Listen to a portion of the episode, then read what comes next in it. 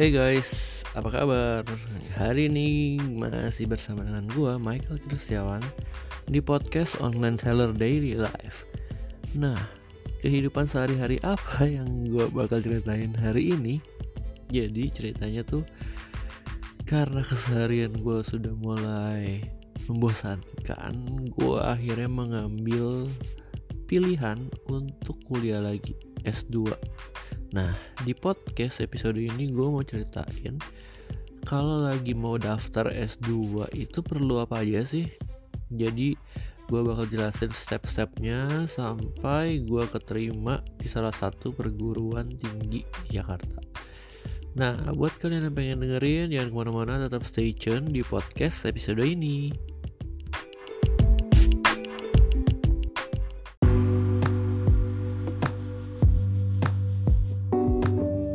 Hey guys, kali ini gue mau ceritain gue tuh habis daftar S2 Nah, perlu apa aja sih buat kalian yang pengen kuliah S2 atau kuliah lanjutan dari S1 Jadi ceritanya, lu itu harus tahu dulu nih Pertama, pilihan jurusannya tuh pengen ngambil jurusan apa.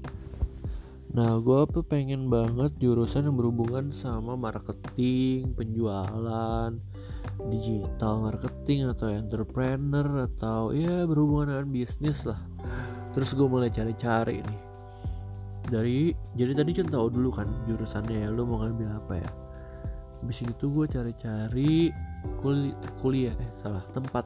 Jadi kampus-kampus mana yang uh, ada jurusan itu. Nah gue tuh tertarik sama binus atau atau Prasetya Mulia sama ada satu lagi tapi gue lupa. Jadi gue cari-cari gue lihat programnya. Terus gue lihat dulu nih. Ada yang bagian uh, marketing manajemen ya MM nah di situ tuh ada peminatan. Jadi kalau jurusan uh, terus ada peminatan. Jadi lebih detail lagi.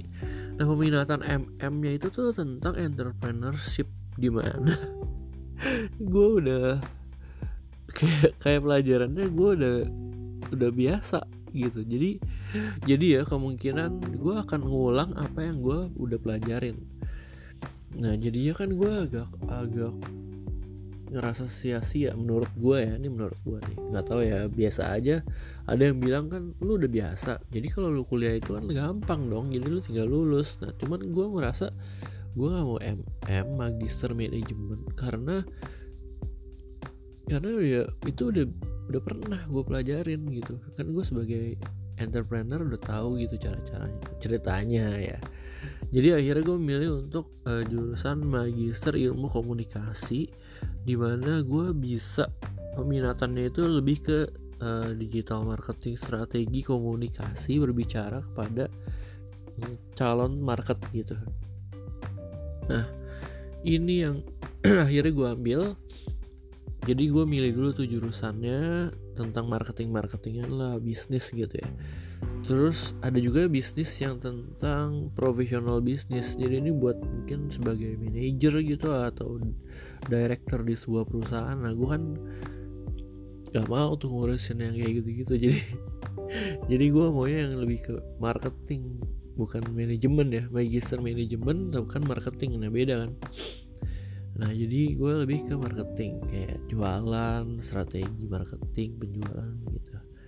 Terus gue pilih kampusnya nih banyak. Ada PPEI ada tuh yang di seberang TA terus ada yang di Esa Unggul ada yang di Binus Untar Presiden University ada juga di lagi di mana ya? Gue jadi lupa nah itu tuh macam-macam binus aja ada dua ada yang internasional sama yang bukan. Harganya juga macam-macam ada yang mahal ada yang murah ada yang online jadi murah banget.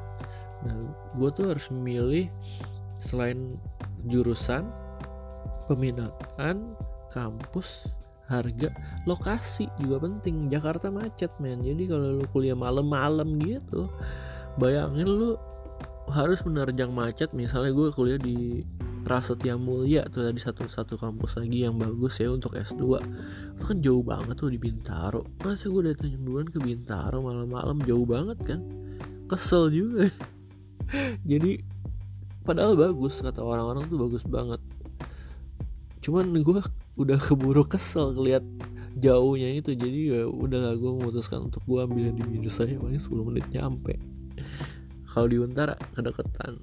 Nah ya udah akhirnya gue kuliah di minus terus karena gue udah memutuskan akhirnya gue bayar uang pendaftaran. Itu 400 ribu. Habis itu bis bayar gue harus memasukkan semua data-data. Nah data-data apa yang diperlukan kalau lo mau kuliah S2 ini dia. Pertama kalian harus punya jasa ijazah S1 otomatis. Terus ada satu lembar namanya penilai nilai nilai nilai lu di selama S1 itu ada tuh. Jadi jasa nilai terus uh, bukti ke kenegaraan seperti kakak pas foto akte lahir KTP itu perlu. Terus kamu juga bikin CV jadi CV-nya bakal dilihat sama sama yang nanti akan wawancara yaitu kepala jurusan. Terus juga ada surat rekomendasi. Ini penting banget jadi lu minta lah ke temen lu yang S2 atau dosen untuk merekomendasiin lu masuk ke kuliah itu. Habis itu tes TOEFL. Nah tes TOEFL ini biasanya disediain sama kampus. Habis itu semua udah beres terus gue langsung tes TOEFL yang gratis yang disediain kampus ya. Udah tes TOEFL nggak gitu susah kok cuman dengerin aja. Jadi yang penting tuh lu dengerin aja. Deng kayak kayak ngobrol gitu ya. Jadi latihannya sih ya lu nonton Netflix tapi tanpa subtitle latihannya gitu. Kalau udah biasa ya udah kayak dengerin percakapan. Bisa ceritanya. Uh, jadi dia tuh mau beli donatnya berapa gitu ceritanya. 5 gitu. Terus dia mau beli donatnya yang dibungkusnya berapa ya kayak gitu gitulah pertanyaan simpel gitu habis tes TOEFL udah keluar hasilnya udah bagus terus wawancara dengan kepala jurusan. Ini kayak ditelepon ngobrol-ngobrol kira-kira 5 sampai 10 menit. Dia memastikan kalau lu tuh benar-benar mau kuliah. Udah diterima terus lu bayar. Udah sampai situ dulu sih. Udah bayar semester 1 jadi kalau kuliah S2 ini cuma tiga semester ya.